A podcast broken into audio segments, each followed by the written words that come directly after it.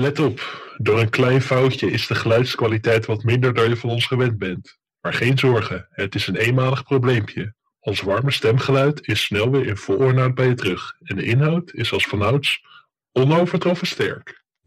Als iets één keer gebeurt, is dat een incident. Als het in korte tijd twee keer plaatsvindt, is dat heel toevallig. Als het drie keer gebeurt, is er sprake van een patroon. En als een vierde geval vrijwel identiek is,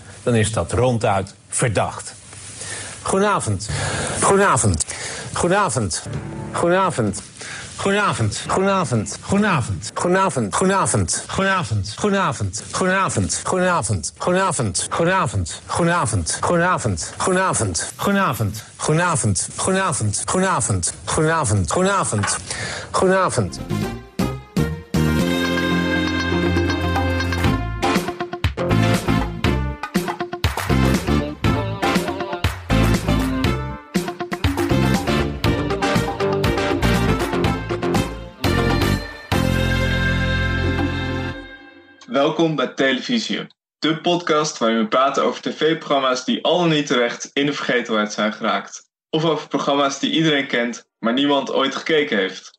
Programma's die in onze jeugd een onuitwisbare indruk op ons hebben gemaakt en nog steeds bij veel mensen een nostalgisch gevoel oproepen.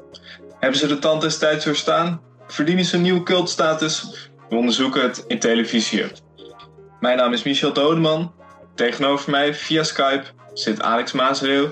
En ook tegenover mij zit een schrijver, sportjournalist en podcastmaker. Hij schrijft over voetbal voor onder meer Hartgras, de Volkskrant en Het Parool. Hij is de co-host van de voetbalpodcast en is de allergrootste vriend van de show. En de enige gast die we niet hoefden te overtuigen om te komen. Welkom Sam Planting. Leuk dat je er bent. Hey, Michel, nee. Jullie zijn, uh, behalve dat jullie uh, mijn favoriete podcast maken, zijn jullie ook, dat tipje van de sluier, jullie zijn ook mijn, mijn vrienden in het echte leven. Dus het is een eer, het is een eer en een genoegen om hier te zijn. Ja, je ziet hier het mediakartel echt in volle werking uh, zo gaan. Gewoon uh, vriendjespolitiek ten voeten uit dit. Maar, nee, maar het valt wel mee toch met mensen die, zich, uh, die we moeten overtuigen. Ik bedoel, mensen staan in een rij, heb ik me laten vertellen, om aan te schuiven. Ja, maar Sam, Sam was wel de enige die, en ik quote jou, niet te houden was. Dat is wel echt waar, ja. Ik heb inderdaad echt een paar weken op rij appjes van Sam gehad. Wanneer gaan we het hier nou over hebben? Wanneer gaan we het hier nou over hebben? Dus het was ja. wel... Het was heel aandoenlijk, een soort kind dat gewoon niet kon wachten om dit op te nemen. En dat, uh, dat enthousiasme waarderen wij. Ja, maar en met, en met goede reden, want het is ook wel een legendarisch programma uh, waar we het over gaan hebben.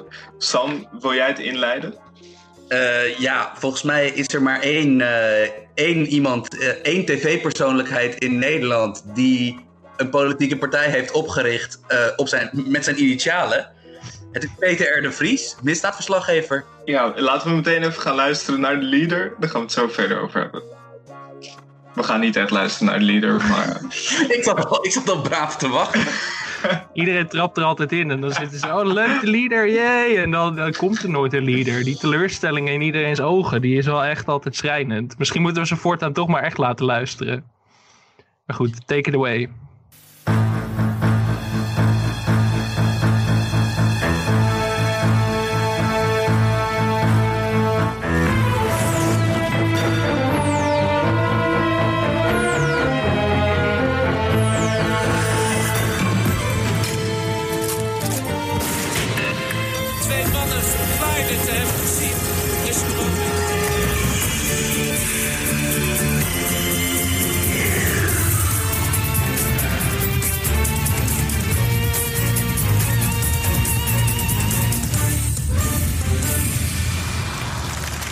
We gaan het hebben over Peter R. de Vries, misdaadverslaggever, een Nederlands programma van SBS 6. Het is gestart in 1995 en liep tot en met uh, juni 2012. 264 afleveringen zijn er in totaal uh, gemaakt. En wij gaan kijken naar een aflevering uit 2010, waarin Peter zijn 15-jarig jubileum viert. En uh, ja, dat doet hij op zijn Peter R. de Vries met gewoon alle highlights van Peter R. de Vries. Door Peter R. de Vries, met Peter R. de Vries. In de hoofdrol Peter R. de Vries, geregisseerd door Peter R. de Vries. En met echt heel veel Peter R. de Vries. dat eigenlijk. Ja, zoals het hoort, toch? Ja, ja het is... Uh, ja, waar, waar moet, ik, ik weet niet eens waar we moeten beginnen. Uh, er is zoveel ook, zeg maar, gewoon in de research en het kijken van dit programma, zoveel gedachten die in me opborrelden en zoveel verschillende takes die eruit moesten, dat ik denk van, waar begin je godsnaam? Maar goed, het, het is misschien wel interessant om te weten waarom Sam, Sam, wat is, wie is Peter de Vries voor jou? Wat betekent hij voor jou? Nou ja, kijk, de afgelopen jaren is het natuurlijk gewoon iemand, een, uh, de, de letterlijke allescanner. Van iemand die expert in alles is. Al dus Peter R. de Vries. Maar ook natuurlijk iemand die echt, nou ja, deze podcast, is, het is mijn, eh, televisie is mijn favoriete podcast. Het is mijn vriendin uh, Laura's favoriete podcast. Uh, dit is wel echt het ultieme programma. Want dit is nou, echt het soort televisie wat we nu niet meer hebben. Althans, niet in deze vorm. We hebben nog zeker verborgen camera-shows en shows die misstanden aankaarten. Maar dat het echt zo personality-driven is. Dat het zo. Dat de stempel van één persoon er zo op zit. Dat je echt.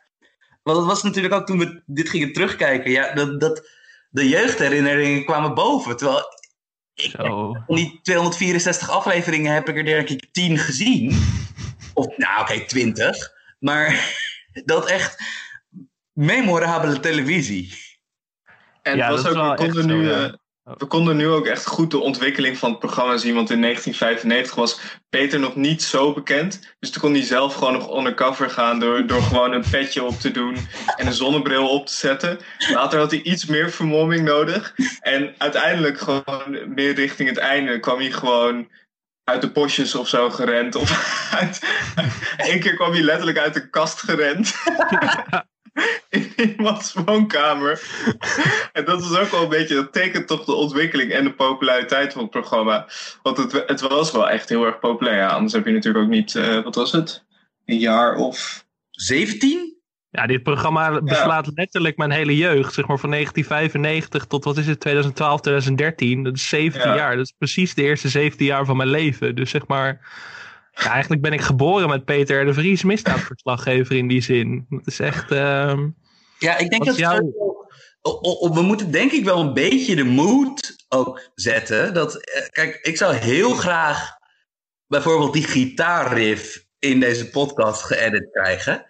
Want ja, ik bedoel, er is, er is geen show die zeg maar meer met de deur in huis komt vallen qua intro en qua muziek en qua toon dan Peter R. de Vries. Het is ook heel mooi dat hij onder luid applaus het podium opkomt in die, uh, ja. die jubileumaflevering. Dat het, ja. echt het is echt een ster inderdaad. Het, is het, het draait niet meer om misdaadverslaggever Peter R. de Vries. Het draait om Peter R. de Vries. En dat misdaadverslaggever komt ergens achter de komma wel een keer. Maar het was echt eigenlijk één grote one-man show het, het, begint ook met die gitaarriff. Dan komt uh, Peter oplopen met een zaklamp om onduidelijke redenen. Ja. En ja. vervolgens Waarom? komt natuurlijk de klassieker Goedenavond. Goen... Goedenavond. Goedenavond.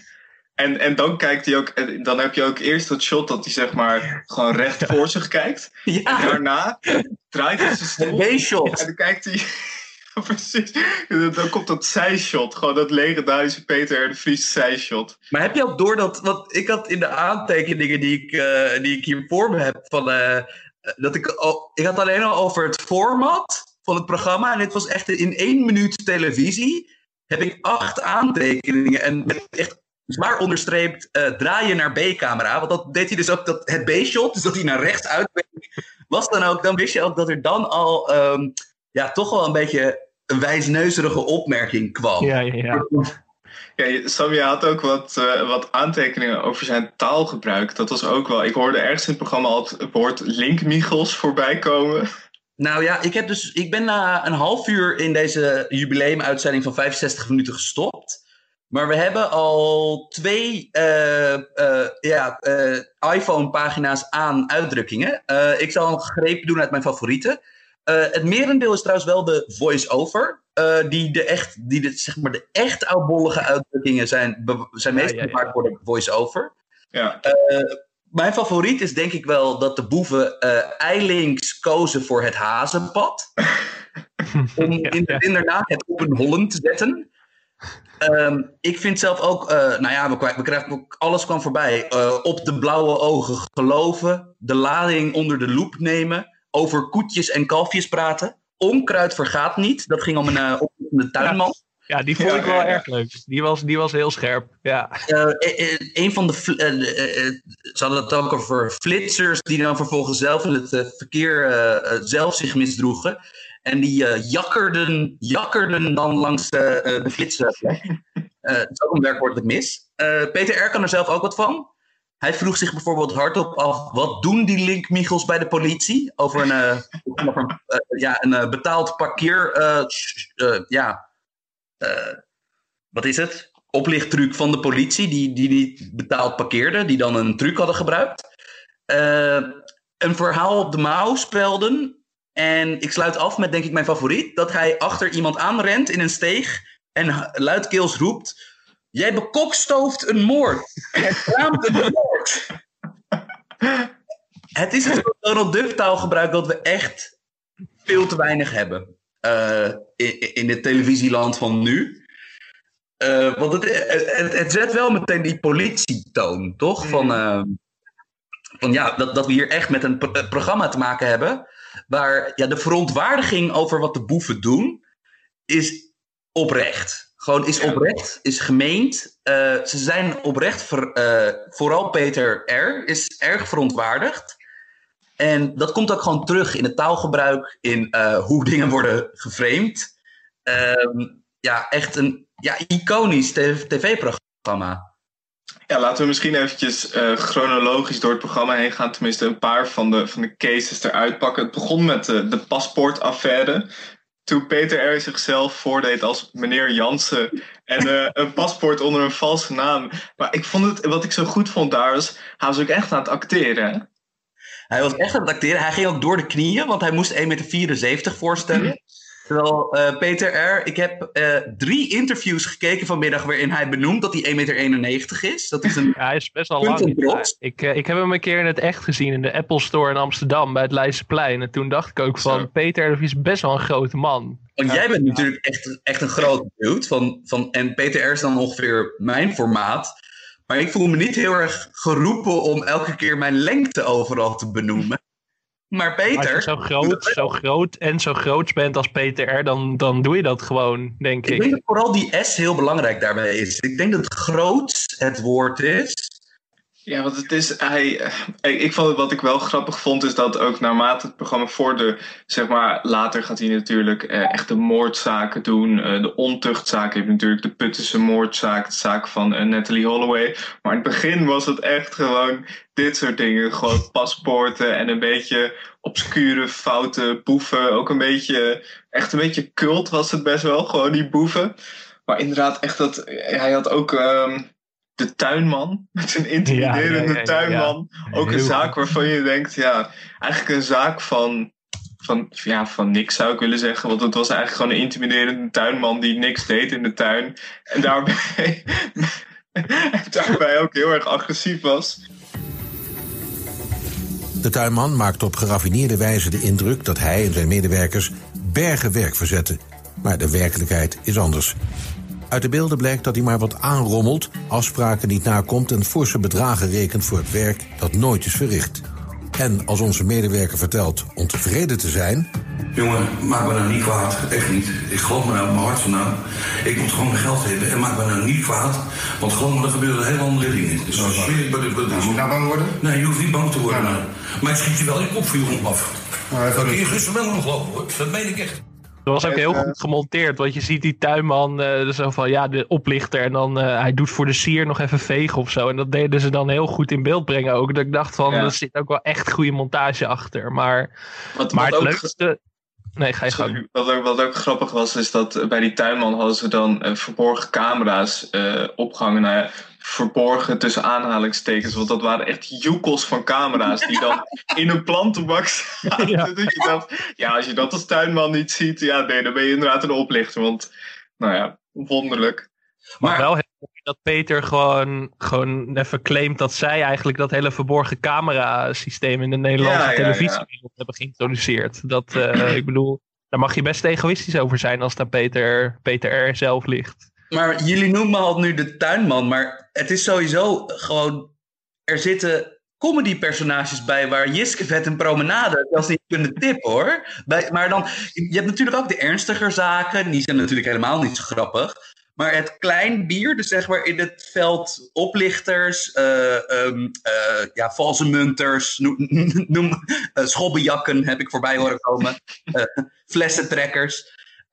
Dat, daar, zit natuurlijk, daar zitten echt hilarische jaren negentig verschijningen tussen. Met mannen met regenjassen en krulsnorren. Ja, ja, ja. Ja, je had soms het idee dat je naar een soort Barsten in Adria zat te kijken. Maar dan met Ja. PTR of zo. Gewoon dat je de, de Peter de Vries achter B1 en B2 aan zat of zo. Echt. En dat Peter ging zich natuurlijk zelf ook verkleden op sommige momenten. Wat echt veruit mijn favoriete momenten in de hele aflevering waren. Dat Peter... Oh, die ene, dat ene moment dat hij zich vermomt als ronde bruin, waarbij hij gewoon, hij leek precies op, op Harco van Ja. Jordy Season, maar dan Ja. met de snor. Dat hij gewoon zo'n vierkant brilletje had en dan gewoon een donkere pruik en dan dacht hij dat mensen me niet zouden herkennen. En hij werd natuurlijk ook herkend en aangevallen.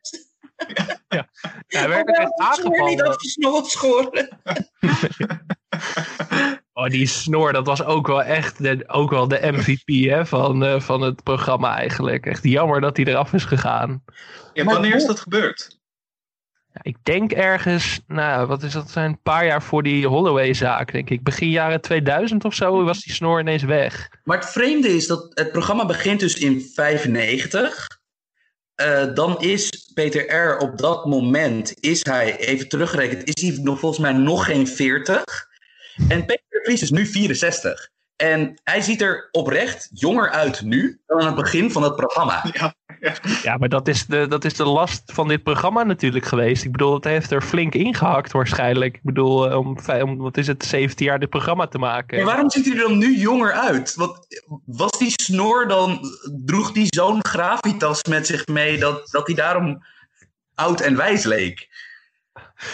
Ik weet het niet. Het is een soort van eh, hergeboorte op een gegeven moment. Peter, je hebt, de- je hebt de tijd per Peter met snor en de tijd per Peter zonder snor. En ik denk dat er toch wel een... eh, Daarna maakte hij volgens mij ook de overstap van een beetje knullige misdaadjournalistiek naar echt, eh, echt de Natalie Holloway, Joran van der Sloot cases, zeg maar. Dat het echt voor mijn gevoel nou, bijna een wereldster werd. Want we, we, we- we zouden er bijna overheen stappen, maar zijn programma heeft gewoon een Emmy gewonnen. Ik bedoel, het Mhm. is eh, ook een primeur in ons... eh, En ook, maar de, de Natalie Holloway aflevering was dusdanig belangrijk. Dat benadrukte Peter R. aan het einde van de aflevering die wij net hebben gekeken. Dat de Holloway aflevering was zo belangrijk dat hij die niet nog een keer ging bespreken. Eh, dat wisten we ondertussen wel. Want dat hadden 7,2 miljoen Nederlanders hadden dat al meegekregen. Jeetje, dat was ook, dat, daar schrok ik ook van. Dat dat programma, zeg maar, het meest niet bekeken... Of, jezus. Het meest... Nou, godsamme. Het, het, een programma wat niet over sport ging, wat het meest bekeken was. Ja, ik kom er helemaal niet uit. Nee, het we hele, het hele momentum is weg. Ja, nee. Wat ik ook niet snap over, over die leeftijd. Hij had voordat hij aan dit programma begon, eh, was hij al redelijk veel op tv geweest. Hij was, even kijken, bij eh, eh, het Tros-programma Deadline was hij commentator. Hij had ook natuurlijk al de ontvoering van Heineken geschreven. Maar alsnog werd hij totaal niet herkend door gewoon toen hij undercover ging. Dat is toch ook gek? Dat zou je nu toch ook nooit meer zien? Nee, maar het is denk ik sowieso qua. Zowel qua technologie als qua hoe de popcultuur werkt. Ja, het was inderdaad dat. eh, nee, hij werd niet herkend. Nou ja, hij werd herkend omdat hij die snor maar niet wilde. Ja, maar hij heeft ook zo'n karakteristieke stem. Die herken je echt uit duizenden. Ja, er is ja, niemand precies. met een stem die op Peter de Vries Nee, lijkt. en eh, ja, dat, dat, dat, dat, dat hij inderdaad niet gewoon, nou ja, zoals die ene, die ene persoon die hem wel meteen herkende, dat dat niet konst schering en inslag was, om een Peter R. de Vries cliché te gebruiken. Eh, dat vind ik inderdaad echt merkwaardig. Sorry. Wacht, oh. Kom eens kijken. Ik wil even kijken of het wel eh, alles goud is wat er blinkt. Ik ben Peter de Vries. Ja. U gaat hier goud verkopen? Ja, voor die jongens, ja. En dan? We willen wel eens even kijken of dat echt goud is. Ja. Waar komt dat goud vandaan, zei u? Ik heb het van bij jongens meegekregen. Ik mag het Hè? verkopen. Ik mag het verkopen voor die jongens. Van welke jongens? Ja. Hij heeft van een andere kleur, hè? Kijk, kijk, wat is dit? Ja, dat is gewoon geverfd, man. Het is gewoon geverfd. Ja, dat weet ik niet. Nee, dat weet u niet. Nee, dat is, dat is geverfd goud. Gaan we nou een potje liegen? Dat weet Nee, u niet. dat- Moet u dat- kijken, dit is gewoon ge- geverfd gewoon koperdraad, man. Ja, Je bent een oplichter eerste klas. Ja? Ja. Kent u dat bewijs? hè? Ja, nou en of. We hebben Nee, hier dat een... is- is niet waar, dat liegt u. Dat is niet U waar. wou zeggen dat dit goud was? Luister, die jongens hebben het mij meegegeven. Die Ach hebben het ja, jij hebt dat alles. meteen geloofd op hun blauwe ogen, Ja, maar niet als Ja. ik wat kan verdienen. Als, je u wat- wat kan verdienen, dan doet u dat toch ook? Nee, nee. Ah, Dan controleer ik eerst eens even of ik de boel niet Ja, ik heb gecontroleerd. Nee, u besodemieter de boel. Ik ken u en ik ken uw familie. Nee, u kent mij niet. Ja. U kent mij niet. Ja. Ik zou niet zeggen mijn familie, maar mij kent u niet. Wat ik ook goed vond was dat eh, je zag ook dat veel van die, van die mannen, zeg maar, die oplichters, dat die gewoon wegrenden voor, voor Peter. En dat hij ze ook gewoon op straat pakte en dat er dan mensen, dat er gewoon buurtbewoners omheen gingen staan. Die echt gewoon gingen kijken, die dachten, die zagen die camera, die zagen een man die, nou ja, vastgehouden werd door Peter R. de Vries. En die dachten, hier moet ik bij zijn.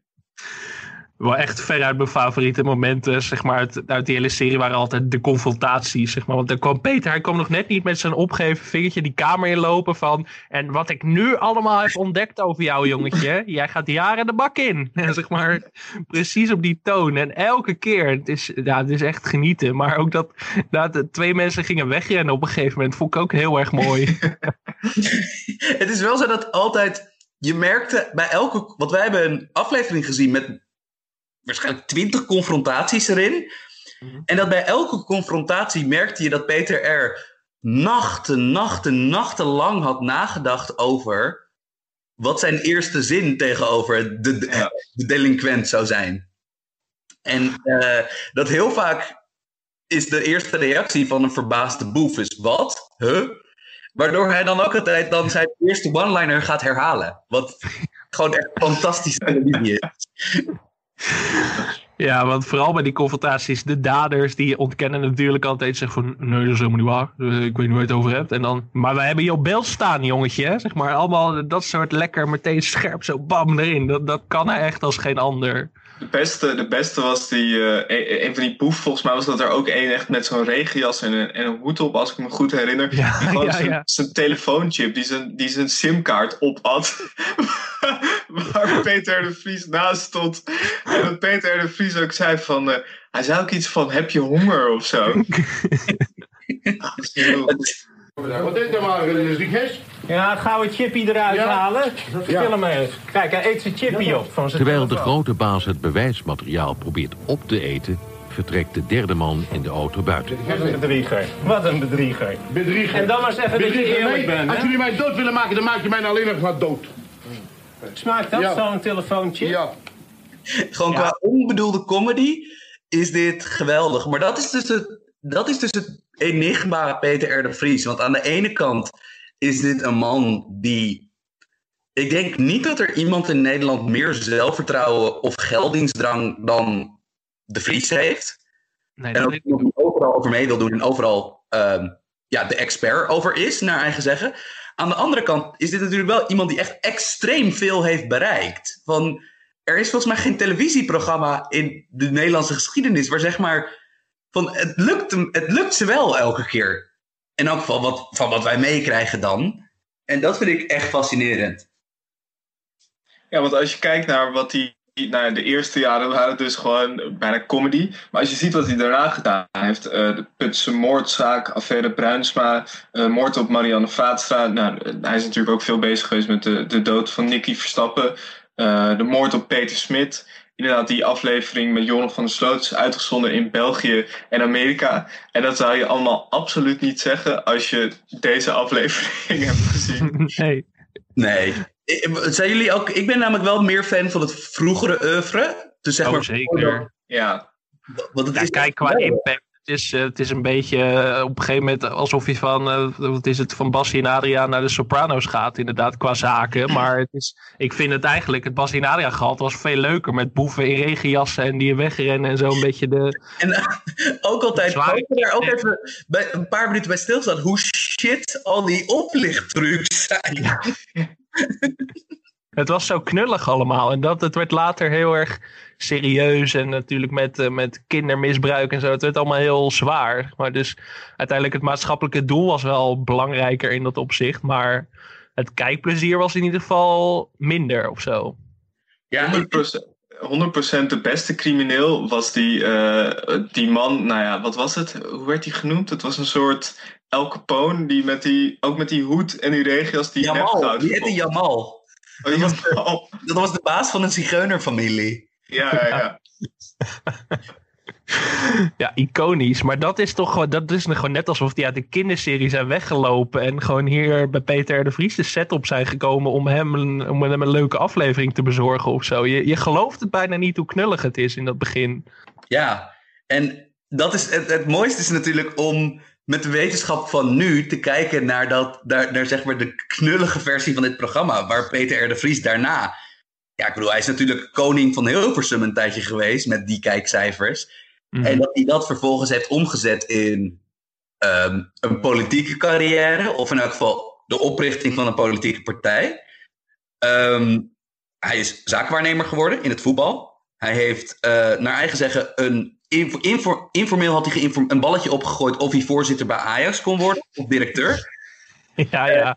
Zo, dat zou, dat zou leuk zijn. Zeg maar, ik ben geen Ajaxiet natuurlijk, maar nou ja, je, je zou bijna overwegen om voor Ajax te worden als Peter de Vries de voorzitter zou worden hoor. Ja, is- eh, Ja, dat is fascinerend hoe dat kan lopen in een tijdsbestek van 20 jaar. Ja, maar jij zei net volgens mij ook van het is zo'n fascinerend enigma. En als je ook kijkt naar de andere misdaadverslaggevers met de hoofdletter M, zeg maar de John Stegemans en de...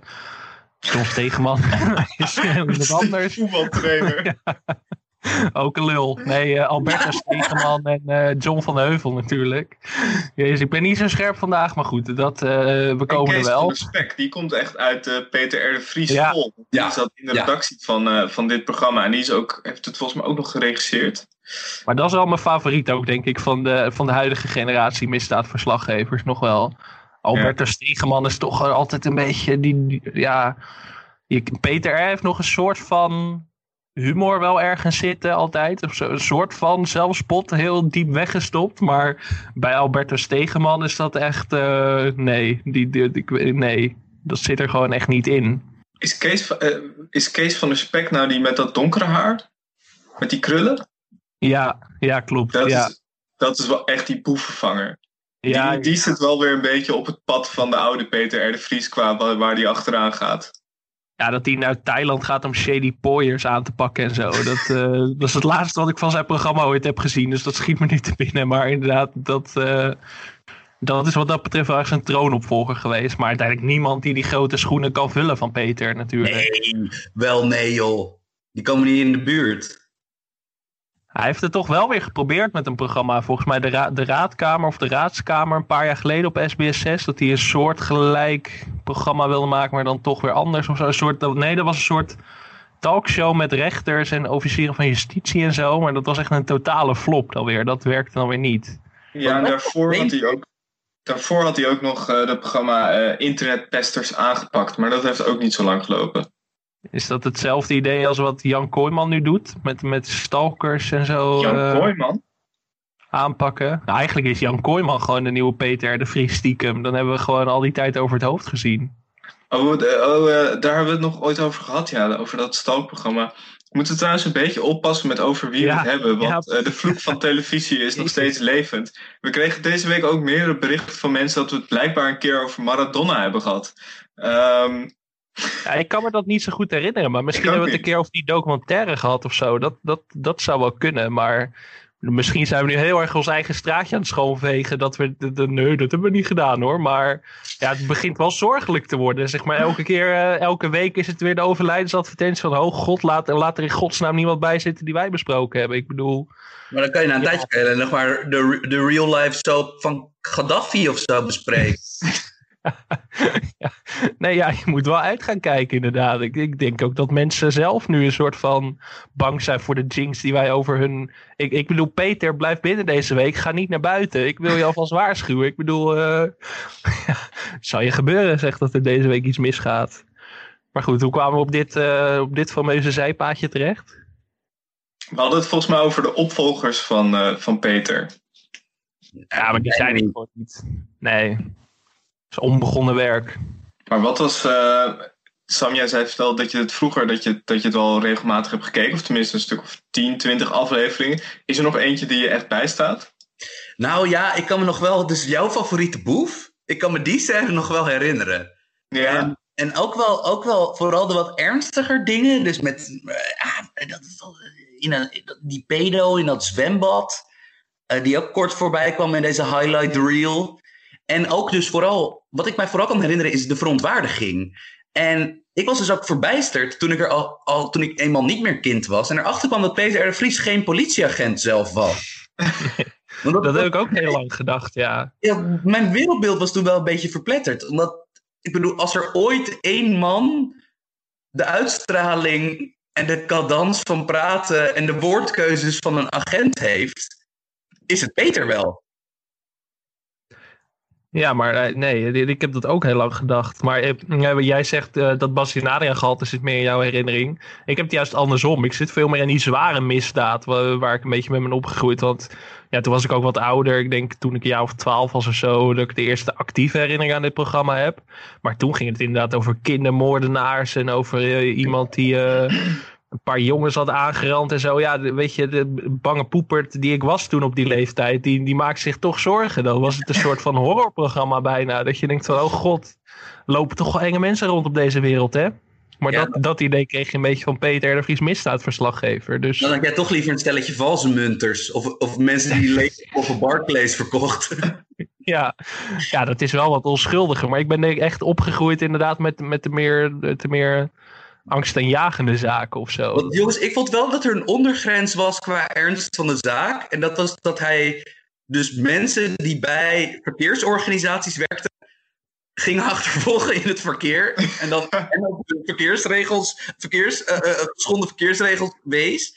En er zijn ook meerdere topmannen zijn erop gesneuveld op dit item. Dat, ik, vond dat, ik, ik, ik vond dat wel een beetje uit de toon vallen. Dat ik dacht van nou, kom op hé. Van, ik bedoel, er zijn grotere misstanden gaande volgens mij. Ja, dat was volgens mij de directeur van Veilig Verkeer Nederland die, eh, die, erbij, de- die daardoor is opgestapt. Ja, Ik zag trouwens ook dat er, dat er van dit programma ook een bordspel is gemaakt. Ja, hè? Ja, het was, eh, even kijken, dat programma heette gewoon het Peter R. de Vries misdaadverslaggever bordspel. Met Oh. als ondertitel, met dit spel heeft u altijd een alibi. Maar dat was de uitsmijter, Michel, van, de, van werk aan je alibi. Hè? Dat was ook het Hè, maar wa- wat moest je dan doen in het bordspel? Eh, Was één iemand de kindermoordenaar en moest de rest ontrafelen wie dat was of zo? Of hoe, hoe zat dat?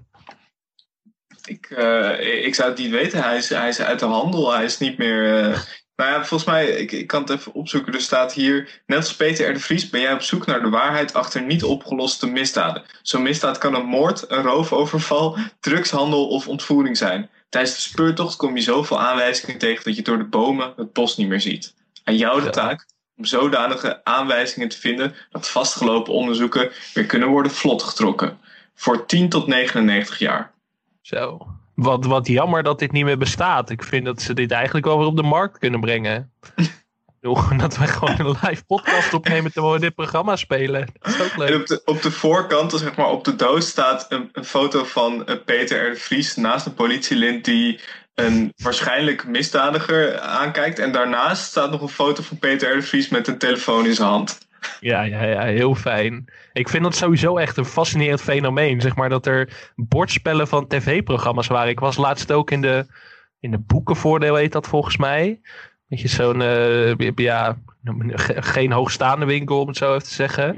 En daar zag ik ook ineens een bordspel van Flikken Rotterdam. Dat ik denk van, wat- Ja, niet eens Flikken Maastricht, maar dan ook nog zeg maar de, de AH Basic versie, zeg maar Flikken Rotterdam. En dan, ja, ik heb hem bijna nog gekocht ook. Ik denk, ik wil eigenlijk wel weten wat je in godsnaam moet doen bij dit spel. Maar ja, Alex, dit is- meer. dit seizoen echt al de derde anekdote dat jij in winkels komt waarvan je niet wist dat ze bestaan.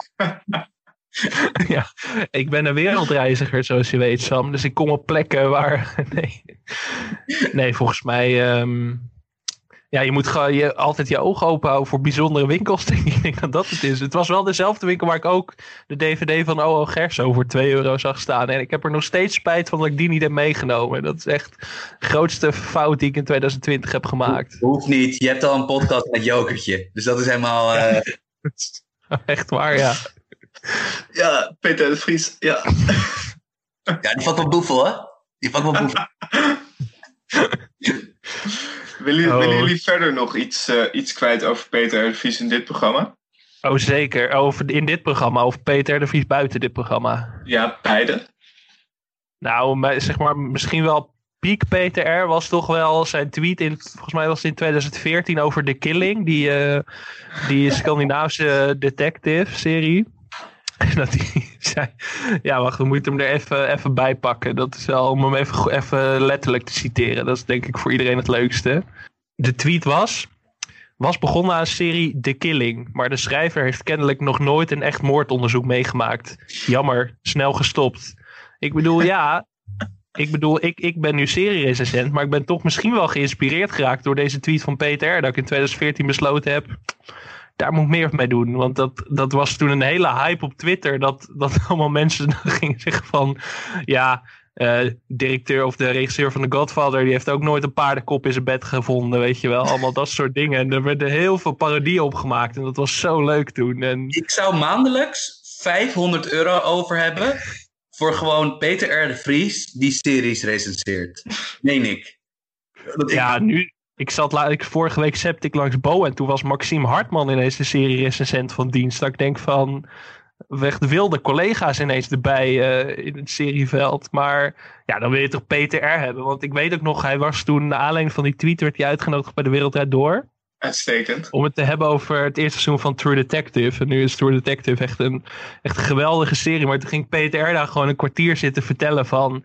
Ja, deze, regisseur, of deze regisseur stapt gewoon eh, met een notitieblokje de PD op. Dat, dat, dat zie je niet. En eh nou, recherchewerk is helemaal niet zo spannend in het echte leven. Er gaat drie dagen overheen over dat forensisch onderzoek. Waarom laten ze dat niet zien? Weten jullie nog toen Peter de Vries bij de Wereldrijd Door werd uitgenodigd omdat hij een tweet had over eh, vliegtuigstoelen en dat ze toen Ja. vliegtuigstoelen daar hadden neergezet en Was dat dat met moest Mark gaan, ook? dat hij daar helemaal naar die studio kwam om te demonstreren hoe krap de vliegtuigstoelen zaten en toen kon hij weer weg. Ja, Peter, het is niet onopgemerkt gebleven, deze tweet. Nee. Eh, in vele programma's ging het erover. Mensen vonden dat je overdreef. Eh dan moest je maar wat meer betalen. Dat heb ik allemaal niet voorbij zien komen. Maar waar het mee begonnen is dit eigenlijk. Hè? Ja. Je zit midden in de rij. Dat doe je al niet graag, denk ik. Nee. Maar dat kan zo uitkomen. En dan, dan is dit, dit... Hoe lang moest je zitten in de, in dit, in de vlucht? Nou, in totaal, eh, de vlucht duurde zelf eh, twee uur en een kwartier. Maar we hadden vertraging, terwijl we inmiddels al in de kist zaten. Dus al met al was het ruim drie uur. Ja, en wat, wat, eh, krijgen je benen een eigen bloedsomloop? Wat, wat gebeurt er, wat gebeurt Ja, er goed, je, precies? zit, je zit helemaal klem, je kan geen kant op. Zeker als er een, een, een fors iemand naast je zit. ook. Ja. Dan zit je helemaal klem. En ehm, kijk, ik vlieg regelmatig. Mhm. En altijd boek ik been, extra beenruimte bij. Hè. Dus al die mensen die zeuren van... ja, maar hij wil niet een paar tientjes Mhm. uitgeven. Dat is gewoon onzin. Maar het is niet altijd mogelijk. Want er zijn natuurlijk maar beperkte extra stoelen met beenruimte in een vliegtuig. Nou, dus toen zat ik zo en toen denk ik, nou weet je wat, ik gooi er een twittertje uit. 240 tekens. Ja, en kennelijk valt dan de hele wereld daarover.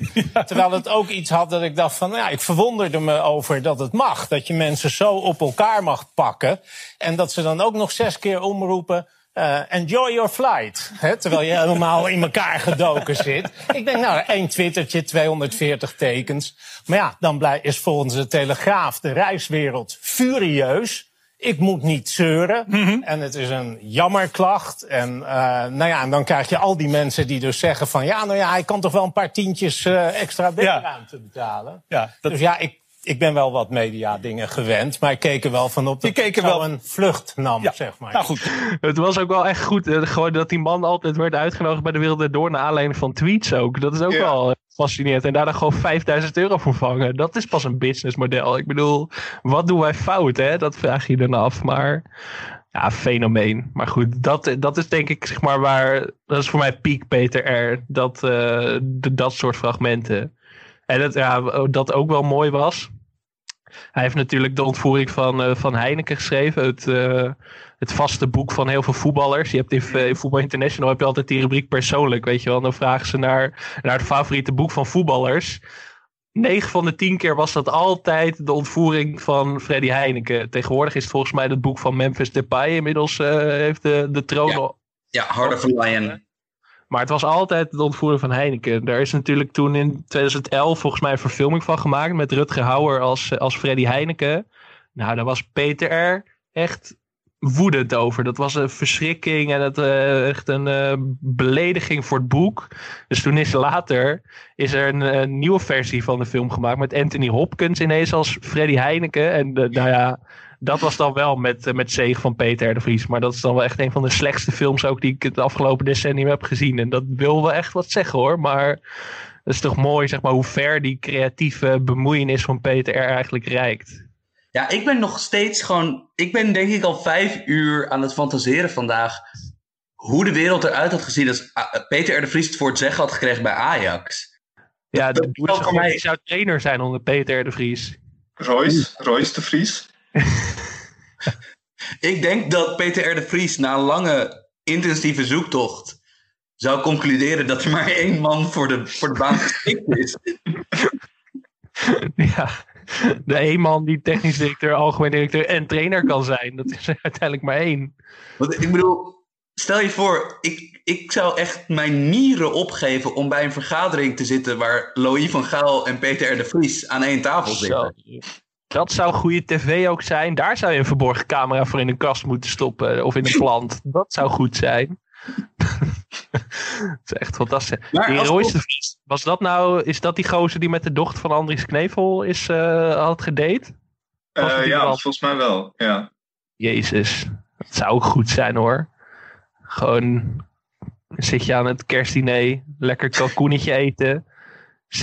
Zit je, lekker met, met Andries Knevel en Peter de Vries aan de dis. Sam doet ondertussen een knotje in zijn haar, prima. Ja, ja, dat. eh, eh, eh, ja, kijk, aan de andere kant, het is dus aan de ene kant de makkelijkste man om belachelijk te maken. Want je kan hem uitnodigen om te, demonstreren hoe, hoe, hoe de, de, de van Transavia niet deugen.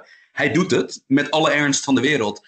Aan de andere kant, uit journalistiek opzicht is dit wel ongeveer de meeste impact die je kan hebben. Toch? Mhm. Van, Ja, ik bedoel, dat Natalie Holloway verhaal, dat is natuurlijk, ik bedoel, dat is echt de wereld over gegaan. En dat was natuurlijk, nou, hoger zal Peter R. de Vries niet meer rijken, denk ik, in, eh, op het wereldtoneel. Zeg nooit nooit. Zeg, dat, durf ik niet, dat durf ik niet af te hameren nu. Nee.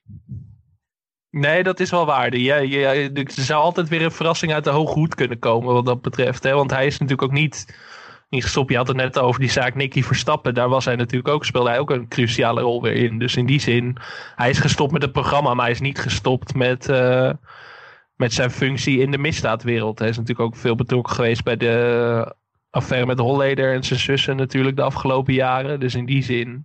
Maar kunnen jullie nog herinneren dat jullie die Holloway-afleveringen keken? Want ik Ja. wel. Ja. Kon je Die Patrick? gozer in die auto. In die auto inderdaad. Ik ben even zijn naam kwijt. Maar dat, dat staat me nog wel echt bij. Patrick! Ja, ja, ja. Conjo Patrick, dat, dat zei Joran de hele tijd. Maar daar, daar keek iedereen naar. Nou, het had dus ook eh, ruim 7 miljoen eh, kijkers. Dus dat was ook wel zo. Maar ik kan me, dat was gewoon, je ging er gewoon vanuit dat iedereen daarnaar keek. Er werden ook, ik weet nu nog wel dat daar echt eh persiflages over werden gemaakt bij, bij Koefnoen en zo. Maar gewoon Ja. iedereen had het daarover en iedereen keek daarnaar. Ja, echt, echt wat, wat een man. Gewoon wat een carrière, wat een man. Wat een enigma vooral. Ja, want inderdaad, je kunt soms denken van... Oh, het is, het, het is een vervelende man. Maar dan het, door ons veel geprezen promenade... Daar dook hij ineens ook op, zeg maar... In een, in een nu al legendarische bijrol in het eerste seizoen... Dat hij Ja. ineens de, de special, de mystery guest was... Die boze studio uitbeent. Maar dat doet hij dan ook. Zeg maar, die humor heeft hij dan nog wel. Zeg maar, dat, Ja. dat, vind ik, dat, dat waardeer ik in hem. En daarom kan ik nooit echt een hekel aan hem hebben, zeg maar. Nee. En dat zelfvertrouwen, dat vind ik ook gewoon mooi, eigenlijk wel. Dat, dat soort figuren heb je ook nodig op tv. Ik bedoel, het hoeft niet elke avond, maar... ehm, ja, je hebt ze wel nodig, dat soort types, denk ik. Ik bedoel, als je alleen maar... eh, nou, wie zullen we vandaag eens beledigen? Nee, dat laten we het niet doen. Ja, maar kijk, het ding is natuurlijk, hij heeft zoveel zelfvertrouwen. Hij is zo zeker van zijn zaak. Maar hij heeft ook gewoon vaak gelijk. Hij heeft wel altijd. Ja. Hij, ja, misschien niet als hij het over de killing heeft. Maar hij heeft wel altijd, zeg maar, als hij het over misdaadzaken heeft, dan 9 van 10 keer, of eigenlijk 10 van 10 keer, heeft hij gelijk. En ook als andere journalisten tegen hem opnemen, staat hij bijna altijd aan, aan, de, kant, aan de juiste kant. Omdat hij zoveel informatie heeft en gewoon al zo lang meeloopt. Ja. Zouden jullie op hem stemmen als zijn partij eh, nu een rentree zou maken? De, P- de PRDV? Nou, kijk, uit comedy oogpunt. Ja. Want ik bedoel, kijk, ja, ik, ik kan wel weer op, eh, weet ik veel, eh, Jesse Klaver gaat stemmen. Maar dan zet ik één keer mijn tv aan en dan denk ik, ja, ja. Hè? Terwijl, kijk, je weet wel dat je stem maximaal wordt benut. Als je op Peter... Ik denk dat er geen Tweede Kamerdebat voorbij gaat waar hij niet de boventoon voert. Ja, maar ik denk dat Peter, Peter is te groot voor de Tweede Kamer. Ik bedoel, die moet meteen de opvolger van Mark Rutte worden. Ik bedoel, Peter, wa- wat gaat Peter nou over beleidsnota 24-3?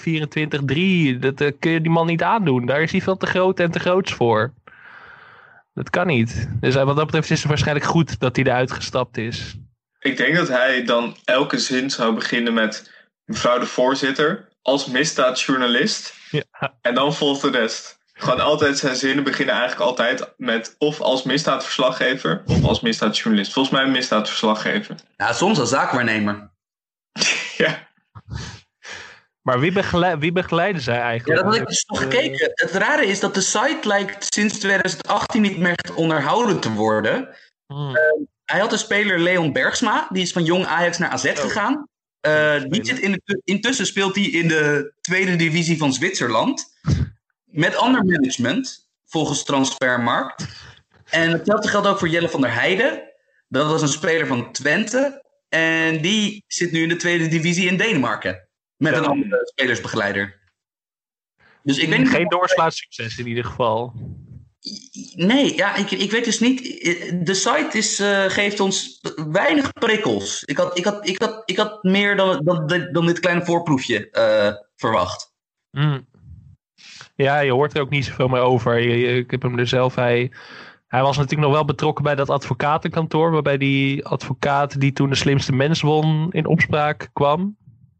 Ik ben nu even zijn naam kwijt. Eh, daar, Qassem. daar is hij toen ook weer uitgestapt volgens mij. Dus wel veel uitstapjes die uiteindelijk. die hem toch weer terugbrengen bij, de, bij zijn misdaadverslaggever Roots uiteindelijk. Maar jongens, waarom komt hij niet gewoon als in hetzelfde format als vroeger, maar dan vertaald naar 2020? Komt hij niet gewoon terug? Want dat zou toch gewoon een kijkcijferhit zijn? Als hij gewoon weer in de struik gaat liggen of zo en dan gewoon met aanrolt en aan, aan een noemt. Achter, achter zigeuners zijn steegharen aan in rent. Ja. ja, ik weet niet of hij dat zelf nog wil. leeftijd. eh, ik denk dat het toch met zijn leeftijd te maken heeft. Ik denk dat als je de, de 60 aantikt, dat je daar nog geen zin meer in hebt om achter mensen op straat aan te rennen. En ik denk natuurlijk ook, ja, hij is er elke avond wel ergens. Eh, hij krijgt daar goed voor betaald, weten we. Dus misschien vindt hij het ook wel gewoon prima zo. Ja, Ja, dat denk ik. ja jammer. Want ik, ik denk nog steeds dat er, dat er kijkcijferkanonnen, toch? Hij- Dat heeft hij in zich. Ja, Om, eh, nou ja, ik, ik weet het niet. In elk geval, dit smaakte wel weer naar meer, jongens. Dat, dit, dit was een uitzending van, van 70 minuten of zo. En eigenlijk had ik er nog wel eentje willen doen. Mhm.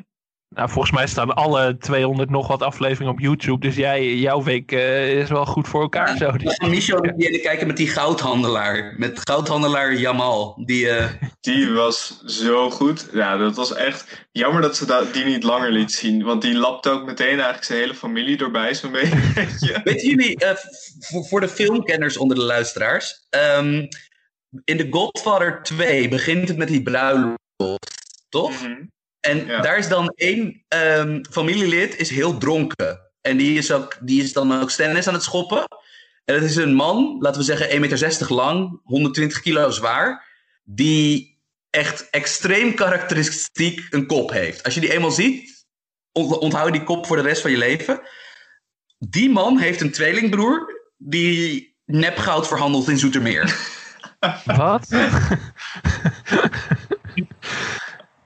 Maar Godfather 1 of Godfather 2?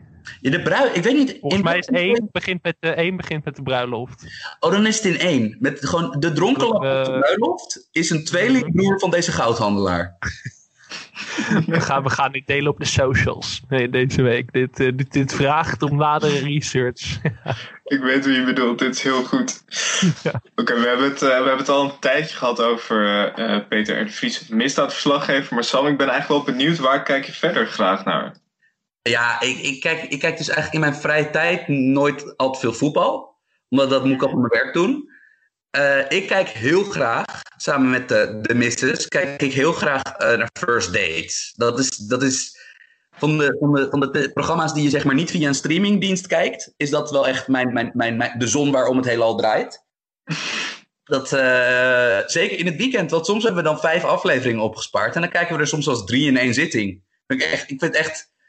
Het, het verveelt nooit. Wat, wat vind je er zo goed aan? Ik ben het wel met je eens hoor, ik kijk het ook heel vaak. Het is een inkijk in menselijke onzekerheid en hoe de mens zichzelf denkt te moeten presenteren. Van, het is zo fascinerend om te zien hoe mensen daar ja, toch elke keer in, weet ik veel, tien of twintig verschillende archetypes vervallen. Van je hebt degene die met nul zelfkennis die gewoon door een ander heen tettert. Je hebt eh, de persoon die zeg maar uit onzekerheid zich verschuilt achter één element van zijn of haar karakter. Eh, je hebt de persoon die te graag wil. De persoon die juist niet, die eigenlijk niet genoeg wil. Het is echt fascinerend. En vooral het format, want het is heel herhaal. Het is echt natuurlijk, het, het is heel repetitief. Van elke aflevering First Dates lijkt op de vorige. En toch, ja, ik weet ik, ik, ik raak er nooit op uitgekeken. Ik bedoel, Sergio is denk ik de aandoenlijkste man in ons land. Mhm. Ehm, Barman Victor is denk ik de enige persoon waarop mijn vriendin jaloers is. Omdat ik, omdat ik te veel complimenten altijd geef over hoe charmant en knap hij is. Ehm, Je ziet de concurrentie. Ja. en vooral, ja, en ook de serveersters, die, hebben ook die, die zijn ook altijd, die, die pakken dan altijd die, die 10, 15 seconden shine die ze hebben, dan per aflevering, die pakken ze ook altijd goed. En ja, ik, ik, ik vind het echt fascinerend. En ook, eh, ik heb een zeldzaam talent in verkeerd voorspellen hoe de date verloopt. Want ik, ik hebben jullie wel eens gezien hoe bijvoorbeeld ehm, Mourinho of Guardiola staat te, te gebaren en staat te schreeuwen langs, het veld, langs de kant van het veld bij Mhm. een wedstrijd? Zo kijk ik first dates. Gewoon emoties vliegen door de kamer. Ehm, Zijn daar beelden van? Nee, nee, gelukkig niet. Want kijk, ik ben, ik, ik ben, ik ben altijd. Ik, ik ben, in de eerste plaats ben ik pro-liefde. Want ik hoop dus eerst altijd op een geslaagde date. Eh, Dat vliegt 99 van 100 keer al heel snel vliegt die illusie het raam uit. En dan is het natuurlijk. Dan zie je de mensen natuurlijk zich misdragen in dat programma. Van variërend van debiele dingen zeggen tot, tot, tot, tot, tot gewoon echt ronduit rare eigenschappen. Mensen die iets per se willen bespreken en dan niet helemaal doorhebben dat het een televisieprogramma met een miljoen kijkers is. Maar ik vind het. Ik, ik- begrijp nog steeds, na, na honderden afleveringen, begrijp ik nog steeds niet helemaal wat de geheime saus nou is. Eh, wat er nou precies in de geheime saus zit, waardoor dit zo verslavend werkt. Heb jij, kijken jullie dan ook naar het origineel? Wat is het Brits, eh, het Britse origineel volgens mij? Ja, Kijken jullie die ook? Ja, ik af en toe, maar ik kijk wel vaak. Ja, die, ik, vind ze, ik vind ze allebei goed. Ik vind eigenlijk die internationale editie ook leuk. Maar ik vind de Nederlandse, ik weet niet. Dat is toch een beetje. Ik ben begonnen met de Nederlandse ooit. Ik bedoel, ik weet dat de Britse eerder was. Maar wat ik altijd zo grappig vind is dat. Eigenlijk gaat het altijd min of meer. Er zijn een paar opties, maar eigenlijk gaat het altijd min of meer hetzelfde. En ik vind het zo grappig dat als je honderd mensen eh, gewoon neerzet aan die bar dat ze altijd dezelfde dingen eerst al vragen. En dat het altijd gewoon hetzelfde. Je zou zeggen: hey, deze dates zijn niet zo vaak succesvol. Probeer het een keer op een andere manier. Maar Ja. altijd gewoon. Aan het begin is het altijd: eh, show, eh, lange reis gehad. Ja. En dan daarna die, eh, ja, zo, nou daar zitten we dan. Eh, Spanning, ja. Je kan het altijd meteen eh, kan je spotten wie, wie wiens naam gaat vergeten. Ja, ja, ja. Maar, waren we, de- nee, maar hoe zouden jullie dat dan doen? Met die, wat wat zou jullie eerste, eerste zin zijn als jullie aan zo'n tafeltje zouden zitten? Want jullie zeggen nou wel van, eh, ja, lange reizen, maar eh, kom eens op met een betere suggestie. Nee, waarschijnlijk zou ik, kijk, eh, waarschijnlijk zou ik wel ongeveer hetzelfde doen. Maar het is ook natuurlijk de manier waarop je het brengt. Het zijn gewoon, heel vaak zie ik eh, mannen, ook wel vrouwen, maar het zijn dan toch mannen die een beetje het initiatief willen nemen. Die dan echt naar een biertje zitten te kijken en dan zo een soort van half omhoog kijken van, zo, verre reis gehad. Dat je al denkt, van, dan sta je al met 1-0 achter. Ik bedoel, een beetje, een beetje open. Er zijn gewoon ook al zoveel mensen die aan meedoen. Die dan die er zitten in hun nieuw gekochte overhemd van de CNA. En die dan zo met hun armen veel te wijd zitten. En dan echt zo zitten van ja, ik verwacht er niks van. Maar ja, eh verder nou toch, dus dan maak ik er maar wat van. Dat is absoluut niet de goede manier om erin te gaan. Je moet er wel een beetje, als je er gaat zitten, moet je wel gewoon volop voor gaan. Ja, en vooral, het, wat ook leuk is, dat iedereen dezelfde leugen, eh, in in dezelfde leugens vervalt. Dat mensen ook nooit zijn, zichzelf hebben opgegeven. Terwijl Nee. ik heel graag een soort van, voor de echte first dates fans, zou ik dus een soort van verdiepingsapp willen hebben. Dat je voor twee tientjes per maand, dat je gewoon de data van de deelnemers ziet. Van, gaf zichzelf op, eh, eh, is aan vierde baan in drie jaar bezig. eh, meent één serieuze relatie te hebben gehad. Persoon met wie die relatie was, lijkt niet te bestaan. Want ik, ben gewoon echt- ik zou dat heel graag willen. Dat er gewoon, en ook bijvoorbeeld dat, dat we dus live statistieken zien van hoeveel procent één persoon eh, in het gesprek heeft gezegd.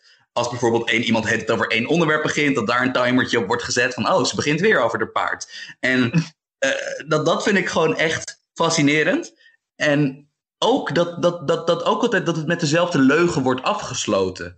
Dat dus, nou ja, statistisch gezien lijkt mij altijd vaker dat de vrouw bij, bij man-vrouw dates, dat de vrouw vaker al ja, wat verstandiger is en, en, en nou ja, toch wel zoiets heeft van, nou ja, liever niet.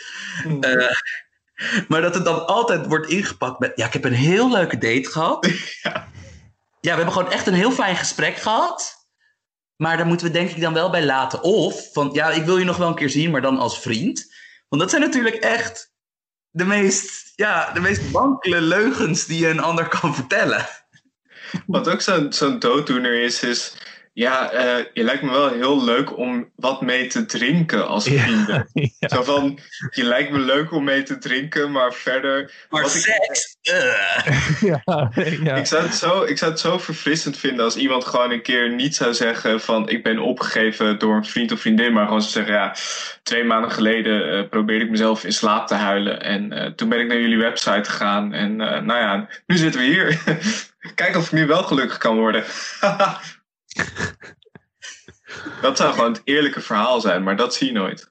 Eh, Het is ook goed, want er zit net de juiste hoeveelheid vreedheid in. Want het is een liefdevol programma. Want bijvoorbeeld, Vic- dus, dus eigenlijk de gehele sociale opvang die je op beeld ziet, is lief. Sergio is lief, Victor is lief, de bediening is lief.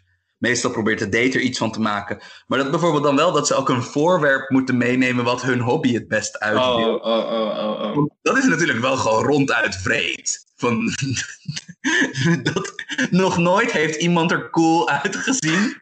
In, in die bezigkast waar dan dat shot wordt opgenomen. En dan heeft iemand een paar skis meegenomen. Of zijn scuba set of zo. Of een, of een pingpongbedje. Want het ziet er altijd debiel uit. Ja, ik zou daar, maar daar daar denk je toch ook van tevoren over na. Want je kent het programma. Je weet, je moet hier iets mee eh, doen. Dan ga je toch niet iets van een touwtje om te mee te touw springen. Of, of een hula hoop of zo. Je Nee. moet echt gaan voor het meest veilige. Maar ja, soms ook mensen die dan ja, in de vrije tijd clown zijn of zo. En die dan, die dan in zo'n heel pak staan. Je denkt, ja, nu, nu kan je het ook niet meer winnen. Heb jij die aflevering gezien dat iemand zich halverwege verkleedde en, en, en als butler terugkwam? Omdat hij hem als beroep butler had? Nee, Een van de vreemdere kandidaten die er ooit heeft meegedaan. Eh, hij deed ook. De, de, de vrouw waar tegenover die zat, die, wilde, eh, ja, die was op zoek naar een kakbal. Gewoon een echte kakbal. à la Thierry Baudet wilde ze hebben. En ze kreeg toen een butler. En dat was iemand die eerst gewoon in normale kleding er zat. En ook eigenlijk vrij charmant en geïnteresseerd was. En die toen naar het toilet ging en terugkwam gewoon in een kostuum zoals Jeffrey uit The Fresh Prince of Bel-Air. In vol butlerpak. Misschien was het wel de butler van Cherry. Ik bedoel, je weet het niet. Maar ja, ik vind het, ik vind het altijd fascinerend. En, en, en wat ook een goede graadmeter is of mensen echt knettergek zijn, is als ze in plaats van een voorwerp eh mee te nemen dat ze gaan zingen of dansen. Oh ja. Ik heb nog nooit een zingende first date kandidaat meegemaakt die kon zingen. Dus dat is altijd al een goede graadmeter van, oh, oké, de komende acht minuten worden fantastisch. Eh, maar ja, het is een programma, ik, ik begrijp nog steeds niet, na al die keren kijken, wat nou precies het zo magisch maakt. Want ik vind bijna alle formule-televisie, vind ik gewoon al heel snel saai worden. Dat ik denk van ja, oké, nu begrijp ik het wel. Van nu zie ik het kunstje wel. Van ik hoef niet week in, week uit John Williams pep talks met een vuist in zijn hand te zien maken. Hey, hey, geen kwaad woord over John, hè? vriend van de show, John Williams. Ik bedoel, eh, pas op. Ja, get your shit together, man. Come on. Maar jij zegt nu op eh, formule. Jij bent, jij, jullie kijken ook, jij met je vriendin kijkt ook heel trouw Wie de Mol, toch? Daar moeten we even een hartig woordje over wisselen. Want eh, Ja, maar bijvoorbeeld kijk, Wie is de Mol? Ik ben groot fan van de Belgische Wie is de, gewoon de Mol heet dat. Dus dat is met non-BN'ers. Maar bij Wie is de Mol schaam ik me wel een beetje dat ik dat altijd echt, echt fanatiek kijk. Terwijl bij First Dates niet. Zeg maar, zet mij aan een tafel met de grootste First Dates hater in Nederland en ik praat diegene om. Want dat denk ik echt. Daar ben ik echt van overtuigd. In dat opzicht, dan vind ik mijn inner Peter R. de Vries. de Peter de Vries van de First Dates wereld. Wauw. En kijk, Ja. maar kijk je ook wel, eh, ja, maar je kijkt helemaal geen talkshows verder en zo. Nee, ik vind dat Ook erg. geen voetbaltalkshows of zo, dat je lekker zondagavond studio voetbal, lekker met een bakje chips op de bank. Nee, als er, als er iets qua nieuwswaarde zit, wel. eh, dan, dan, dan moet het wel. Maar nee, ik kijk voor mijn plezier geen voetbaltalkshows. Ik lees eh allemachtig veel over voetbal. Kijk heel veel wedstrijden. Maar nee, nee, nee, talkshows, dat kan ik gewoon echt niet aan. Ook omdat er, er zit nooit een echt humorelement in. Ja, bij eentje, maar... nou, Ja, daar is het voetbalelement dan weer. Nee, precies. En ik bedoel, ik denk, ik denk oprecht dat, dat, dat als ik er dan nog één moet kiezen, dat het Veronica en Sight is. Dat dat, dat dan nog. eh, wat, nee, de andere kijk ik allemaal niet. Dat, dat, ja, ja, dat, dat, nee, dat, dat, dat laat ik anderen doen alsjeblieft. Maar, Zou je het zelf Ja, ooit wel willen om er aan te schuiven, bijvoorbeeld? Als er eh, zeg maar een nieuw programma zou komen, bijvoorbeeld, met, Ja. eh, met jong talent of zo. Met, nieuw eh, programma, ja, het ligt er een beetje aan of ik, als ik de mensen vertrouw die het maken, misschien wel. Daarnaast wil ik ook dat als ik ergens zou aanschrijven, dat ik dan wel, dat we dan wel voor onderwerpen we- hebben waar ik iets over weet. Dat ik wil niet zeg maar dan tijdens die uitzending beelden voorgeschoteld krijgen en daar dan meteen een, een of andere hot take over moeten hebben. Eh, en al helemaal niet, ik wil helemaal niet eh, deel uitmaken van gestuurd conflict. Want dat zie je natuurlijk ook heel vaak. Hè? Dat, dus, dat er dus echt dat, dat de, een, de ene mening neemt om gewoon maar eh, ja, speler B of A te zijn in een, in een gesprek. En dat, ja, dat, dat is niet zo boeiend. Maar ik heb wel zoiets, ik kijk nog altijd liever een voetbaltalkshow dan een reguliere talkshow. Want dat, dat vind ik gewoon echt, eh, ja, echt meestal echt een moeilijke zit. Wat wel over, over voetbalprogramma's gesproken. Jij hebt, Sam hebt wel. ehm, nou ja, voor, voor de mensen die kijken naar bijvoorbeeld eh, Ziggo Sport of Fox Sports. Jij hebt dan wel weer een hele obscure rol eigenlijk gespeeld in die programma's. Want jij was een tijdje toch de man of een van de mensen die dan eh, eh, nou ja, de, de informatiepakketjes samenstelde voor de analisten, toch? Nou ja, nee, ja het, lag nog, het lag nog ingewikkelder dan dat. Maar ja, ja ik, heb ooit wel dus, ik heb ooit statistiekenpakketjes bij dat soort programma's gemaakt. En dan bij, bij één aanbieder. En eh, eh, ik had altijd het idee dat, dat die mensen waarmee ik dan op zo'n redactie werkte, die waren allemaal super vriendelijk tegen me. Kon ik altijd heel goed mee vinden. Maar ik, dat ik dan altijd pakketjes maakte waar, waarvan ik eigenlijk al diep in mijn hart al heel erg wist van, nou ja, dat gaat zonder dat ik de, de hoek om ben, wordt, wordt, dat, wordt dat A4'tje in de prullenbak gemieterd. Eh, ja, maar ik vond het in elk geval, ja, in elk geval cool dat die zender dat, dat wilde. Want die wilde in elk geval vernieuwen. En die wilde dus meegaan met de tijd. En, en, en wat, wat, wat meer feitelijke onderbouwing van wat dan die mensen, eh, wat de talking heads dan zeiden. En je ziet bijvoorbeeld bij BBC, Match of the Day, daar is bijvoorbeeld eh, het experiment wat die, wat die zender die mij toen, eh, ja, weet ik veel, één of twee dagen per week dat liet doen. Bij, bij, bij de BBC zie je dat het wel kan. Van dat, bijvoorbeeld, die hebben echt een modus gevonden waarin dat werkt. Maar is, is dat iets, zeg maar, je, we hadden het net over echt op tv eh, komen met je hoofd. Zou je dat wel als, als redacteur willen bij bijvoorbeeld een voetbalprogramma? Oeh, nou, Michel, ik zit meer aan de schrijvende kant nu en dat vind ik gewoon leuk om te doen. En nee, ik heb, ik heb geen. eh, eh, kijk, als er nieuwe dingen worden geprobeerd, of wat dan ook, van, daar ben ik altijd groot, groot, groot voorstander van. Maar het is nou niet zo dat, nee, ik eis geen plek in televisieland op. Want dat is natuurlijk ook weer een heel geile kunst op zich. En daar moet je dan ook weer gewoon jaren over doen om daar goed in te worden. Dus dat, dat, dat ja, nee, ik, voor mij, ik, ik, ik hoef niet morgen een redactiebaan bij een van de televisieprogramma te hebben. We hebben het er wel eh, regelmatig over bij welke programma's, aan welke programma's wij zouden willen meedoen als we er één zouden mogen kiezen. Eh, first dates voor jou eh, als bezet man geen optie, Sam. Waar zou je dan voor kiezen? Ja, wie is de mol? Want ik ben er wel van overtuigd dat ik, dat ik daar. ehm, Kijk, kennen jullie nog, voor de mensen die dat wel kijken, dat bijvoorbeeld Jan Versteeg, die toen BNN-presentator is, volgens mij zit hij nu bij de commerciële. Dat Die deed bijvoorbeeld exact wat ik had gedaan. Ik ben een enthousiast persoon. Schreeuw veel. Ben eigenlijk altijd vrolijk. Eh, eh, en, en hij had bijvoorbeeld heel erg... Hij verborg zich achter zijn enthousiasme. Dat hij was bijvoorbeeld zo fel in alles. eh, van oh, dat, hij het voortouw nam. En daarin, daarachter speelt natuurlijk... Kan je gewoon natuurlijk gewoon ook wel veel meer doen. Van, je ziet heus dingen. En dus dat, dat, dat, dat is ook een heel standaard antwoord. Eh quizzen. Ja, dat, dat is toch een beetje de goden verzoeken. Want dan, dan zul je zien dat ik over een paar jaar aan een quiz meedoen en, en die kant op mijn bed ga. Maar ik, heb wel, ik ben wel zo iemand die, nou, of het nou 1 tegen 50 is, per seconderwijzer, 2 voor 12. Kijk, daar ben ik echt voor te porren. Omdat ik, dat, dan denk ik zo van, dan ga ik ook met mijn neus in de boeken. Lijkt me heel leuk als wij met z'n twee aan 2 voor 12 gaan meedoen. Dat is Ja, ook, ik bedoel, Jij kent mij lang genoeg om te weten dat het, zeg maar echt, dat het een ramp van Chernobyl-achtige proporties wordt als ik zeg maar de zoeker zou zijn. ja. Oh. Ah joh, gewoon lekker. Als wij alle drie meedoen aan het volgende seizoen van de slimste mensen is ook leuk. Dat is ook, eh, ook een uitdaging wie het verst komt. Nou, ik, ik, ik, ik hoop dan wel een, een weg richting het hart van Maarten, Maarten van Rossum te vinden. Want ik heb, ik heb het idee dat als hij mij een kans geeft, dat we echt twee handen op één buik kunnen zijn. Maar Vlossum is een hele lieve man. Ik heb, bij, ik heb bij zijn tijdschrift stage gelopen. Dus ik heb elke week filmpjes met hem opgenomen. Nou, dat is, eh, dat is ook een ervaring. Hot Take City.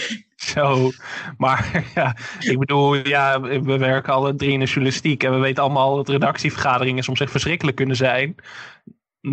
Alles staat in perspectief als je een redactievergadering met Maarten van Rossum hebt meegemaakt. Ik heb volgens mij, gevoelsmatig duurde een vergadering met hem acht uur, omdat hij gewoon acht uur aan één stuk door takes aan het gooien was over de hele wereld en nou ja, alle denkbare onderwerpen, echt van van voetbal en hoe belachelijk het is, hoeveel er op tv was, tot aan, eh, weet ik veel, eh, een of andere koep in Armenië of zo. Zeg maar, het ging echt maar door. Het was echt Alex, daar zou een verborgen camera op moeten staan. zo. Nou ja, zeker. Dat zou echt heel goed zijn. Kunnen we Maarten niet een keer uitnodigen met, jou, eh, met jouw connecties? Connecties, ja. Ja, Nu je hem zo glans, glansrijk in de, in de schijnwerpers hebt gezet in deze podcast. wel Ik vond dat met tennis. wat hij met zijn broer en zus deed echt fantastisch. Dat is gewoon Ja, dat was goed hè. historische plekken waren en daarna met z'n drieën gewoon apathisch gingen kwebbelen. Dat is gaan zeiken over de architectuur. Dat is echt geweldig. Ja. Dat was echt, dat was echt gouden televisie. Ze zijn volgens mij ook in mijn geboorteplaats Enkhuizen een keer geweest. Het was ook wel echt heel goed hoor. Dat, eh poeh, het mooiste van twee werelden kwam samen daar. Echt, ik werd er bijna emotioneel van. Als we een bingo kaart van deze podcast zouden maken, is gewoon Alex die Enkhuizen noemt. Kan je gewoon elke aflevering afstrepen. Over bingo kaart gesproken. Ja, Sam, jij bent volgens mij geen vaste kijker. Maar ehm, we hebben afscheid genomen van Ik geloof in mij deze week. Ik Ja. heb het- door jullie heb ik het, ik heb wat fragmenten gekeken. Ik heb nog steeds geen hele aflevering gekeken. Maar Maar jongens, die, die jongen die jullie vorige week opvoerden in de Oh. podcast, die, heeft die, die heeft meerdere cameo's in mijn nachtmerries gemaakt deze week. Ja, Gio Swicker, zeg maar, dat, dat is wel echt de poeh. Dat was wel echt het toetje, nou, echt het toetje van het programma in dat opzicht. Maar, hoi, hoi, alsof hij echt rechtstreeks uit een soort David Lynch film is gekomen zetten of zo. Het is echt, echt ja, een wonderlijk fenomeen. Echt, eh, zijn liedjes zijn wonderlijk, maar ook zijn hele, zijn hele aura. Er, er is iets, ja, iets wat me heel erg tegenstaat of zo. Heel, iets heel akeligs of zo. Dat ik, nu niet dat ik 16-jarige jongens wil pesten, dat wil ik ook niet doen, maar... Heeft er de vries op je dak? Komt hij straks uit die kast uit je woonkamer? Ja, ja ik zie Ja, die plant naast me staan. Ik, ik maak me toch wel zorgen nu. Nee, maar, maar goed, we hebben afscheid genomen van de personages. Maar ehm, heb jij het gezien, Michel? Vrijdag? Ja, ja, ik heb gekeken. En eh, dat was dan wel weer goed nieuws. Dat was een soort omgekeerde jinx. Er komt een eh, tweede seizoen. Maar dat was ook wel nodig, want er waren echt een paar eh, zangers. Volgens mij Dario en, en Johan. Die hebben we gewoon maar één aflevering gezien. Wally hebben we ook maar eh, heel kort gezien. Ja, vooral Eh, Wally. Wally is ja. voor mij echt breakout star van 2020. Meer dan René Leblanc, zeg maar. Ik moet nog even, die heb ik wel meegekregen. En ik had ook al zoiets van, ja, ja, jongens, ik snap dat er veel aandacht voor René Leblanc is. Maar Wally, jullie, jullie sniepen op Wally een beetje. Dat is echt koning. Ik ga echt een poster van Wally bestellen die ik hier echt gewoon over, de hele, over mijn plafond gehangen, denk ik. Echt Nou. zo'n groot fan van Wally, echt. Mij heb ik mijn kerstcadeau voor jou, eh, heb ik al... eh, meet and greet. Ja. Met de voorbal van Lemming, het iconische Lemming. right. Nee, maar eh, goed. We gaan, we gaan het eh, missen, maar het komt weer terug. Dus we gaan het volgend jaar waarschijnlijk eh, weer bespreken in de podcast, denk ik. Ja, ze zijn, ze zijn alweer aan het filmen, dus eh, het, het zal niet lang meer duren. Ik dacht eh, volgend jaar, maar het is al over een maand volgend jaar. Dus goed punt, volgend jaar waarschijnlijk. Dat is waar. Maar we gaan het wel missen, want het is, eh, het is wel karig een tv-aanbod de komende tijd. Dus eh, het is toch Ja. een beetje ja, alsof je vrienden ineens wegvallen voor onbepaalde tijd. Het is toch, eh, toch een klap. René heeft Instagram, dus daar kan je hem, eh, kan je hem volgen. Hij verkoopt daar ook kersttruien nu, dus eh, Zo, ja, over televisie en merch gesproken. Ik bedoel, ik wil Anne Janssens van Dag en Nacht Media niet op ideeën brengen, maar een leuk kerstcadeautje, ik, ik zou het al weten. jongens, zijn er verder nog eh, televisiezaken waar we het over moeten hebben? Ja, ik heb niet zoveel gezien. Ik heb vooral de, de Forum voor Democratie soap gevolgd. En dat, dat heeft eigenlijk al mijn tijd opgeslokt. Want als je drie minuten van Twitter was, dan was er alweer een nieuwe, nieuwe plot twist in het geheel. Dus eh, weinig tv gezien. Ja, ik ben, wij zijn Sopranos aan het kijken de laatste weken. En eh, ik denk oprecht. Ik, ik ben natuurlijk iemand die soms wel eens vervalt in hyperbol. Maar dit meen ik uit de grond van mijn hart. Ik denk dat Paulie Walnuts mijn favoriete tv-personage ooit is. ik, ik begin gewoon te giechelen zodra hij in beeld komt. Ik kan nog steeds, ik kan mijn vinger er niet helemaal op leggen wat hem nou zo geliefd maakt. Ehm, ja, dat is, dat is op dit moment mijn wereld. Ik heb de forum soap ook wel een beetje gevolgd, want dat was natuurlijk wel echt vuurwerk. Ah, Sopranos is uiteindelijk wel leuker. Beter. Ik, dit is helemaal geen spannende opmerking. Het is een mooi inzicht. Wij zouden dit eh, omschrijven als mooie inzichten. Maar Hele mooie inzichten. Ik heb inderdaad ook veel gezien van, eh, van de forums ook. Wie is jullie favoriete eh, bijrolspeler in dit geheel? Eh, Ik denk Eva Vlaardingerbroek, die live Ja, in ja. BNL. Ja, Eh, nee, over televisiegeschiedenis gesproken. Dat hele fragment bij, bij Goedemorgen Nederland. Sowieso shout-out Goedemorgen Nederland. Fantastisch programma ook. Het, eh, misschien wel het beste ontbijtprogramma van Nederland. Maar Toch het podium wat ons Frits Hoefnagel bracht. ja, ja Zo. Nagel. Ook tv-geschiedenis, maar ja, het fragment dat Eva Vlaardingenbroek belt en eigenlijk een mes in Thierry's rug steekt. En Thierry die daar gewoon bijna zit te huilen aan tafel. Dat was wel echt. Nou ja, we komen later misschien nog een keer terug op tv-momenten van 2020. Maar eh, dit kan niet meer overtroffen in beeld gebracht. Echt perfect Ja. gedaan door de regisseur. Goed over nagedacht. Drama, echt fantastisch, ja. Maar nee, dan ga ik ook wel voor Eva Vlaardingenbroek. Ja, ik, ben, ik blijf een Hiddema. Ik blijf toch team Hiddema. Maar Hiddema was echt in een zucht en een vloek weg. Die was echt... eh, Godfather-stijl. Ja. Echt top. Echt. Wat een figuur.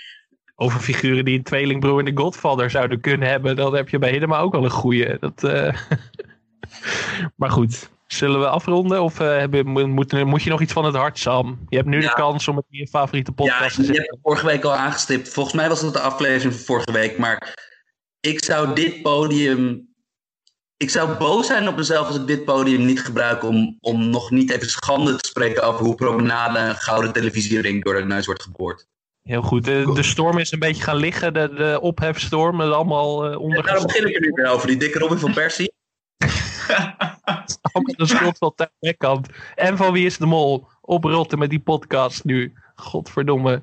Echt, eh, het, is gewoon, het is gewoon, het hele systeem is naar de kloten. Het hele land is naar de kloten. Als Promenade niet genomineerd kan worden, waar, waar moeten we dan nog heen? Ja, eh, eh, naar de armen van Peter R. de Vries. Gewoon in de YouTube-archieven. Zo, schitterend rondgemaakt dit. Heel Merk mooi rondgemaakt. Zo. Heel mooi gedaan. That's why they pay me the big bucks. Er komt toch die jaren als, als podcast-host, al die ervaring komt toch naar boven. Ja, want, want wie vo- voetbalpodcast zegt, zegt professionele productie. Nou, vond je deze podcast leuk? Laat een recensie achter op iTunes of stuur eens een bericht op Twitter of Instagram televisiepod of mail ons op televisiepodcast.gmail.com. Veel dank aan Dag en Nacht Media, aan Studio Cloak voor de tune en aan Wijts Valkmaak voor de illustratie. Ook heel veel dank aan onze gast Sam Planting. Sam, wil je nog iets pluggen? Waar kunnen mensen je volgen? Ehm, op de pagina waar je promenade alsnog kan inschrijven voor gouden televisiering. En op de, op de pagina waar je, waar je mensen als eh, host kan aandragen, kan je ook gewoon eh, Sam Planting noemen van de voetbalpodcast. Als we dat nou allemaal doen. Nee, ik, ik ben geen. Kijk, ik, ben, ik, ik, ik red me wel, Michel. Ik ben geen Diederik Ebbingen. Dat, dat, zo, zo simpel is het. Het zit maar dat merk je aan alles. Ik merkte, je hebt daar ook gelijk in. In ieder geval heel fijn dat je er was. Eh, en nou ja, hopelijk eh, tot de volgende keer. Je hebt ons wel een van, de, een van de beste programma's die je tot nu toe hebben gekeken, heb je meegenomen. Dus eh, veel dank daarvoor. Mo- mooie inzichten. Hele Dankjewel mooie voor de inzichten. mooie inzichten. Tot volgende week. Tot volgende week. Sinds dat ik je zag ben ik mezelf niet meer. Mijn buik die kriebelt en mijn hart dat gaat tekeer. Ik voel me jong, ik voel me weer zo groen als gras. Nog veel verliefder dan ik immer eerder was. Sinds die zomerdag dat ik je heb ontmoet. Kan ik enkel nog maar denken, dit is goed. Oh, je bent echt veel te mooi om te Heel mijn fortuin vooruit ik om met jou te gaan. Jij bent het beste wat mij is overkomen. Ik wil je in mijn leven, niet langer in mijn dromen. Oh schat, ik wil je hebben en niet zo'n heel klein beetje. Je bent mijn ideaal, ik wil je helemaal. Jij bent het beste wat mij is overkomen. Ik wil je in mijn leven, niet langer in. Oh schat, ik wil je hebben. En niet zo'n heel klein beetje. Je bent mijn ideaal. Ik wil je helemaal.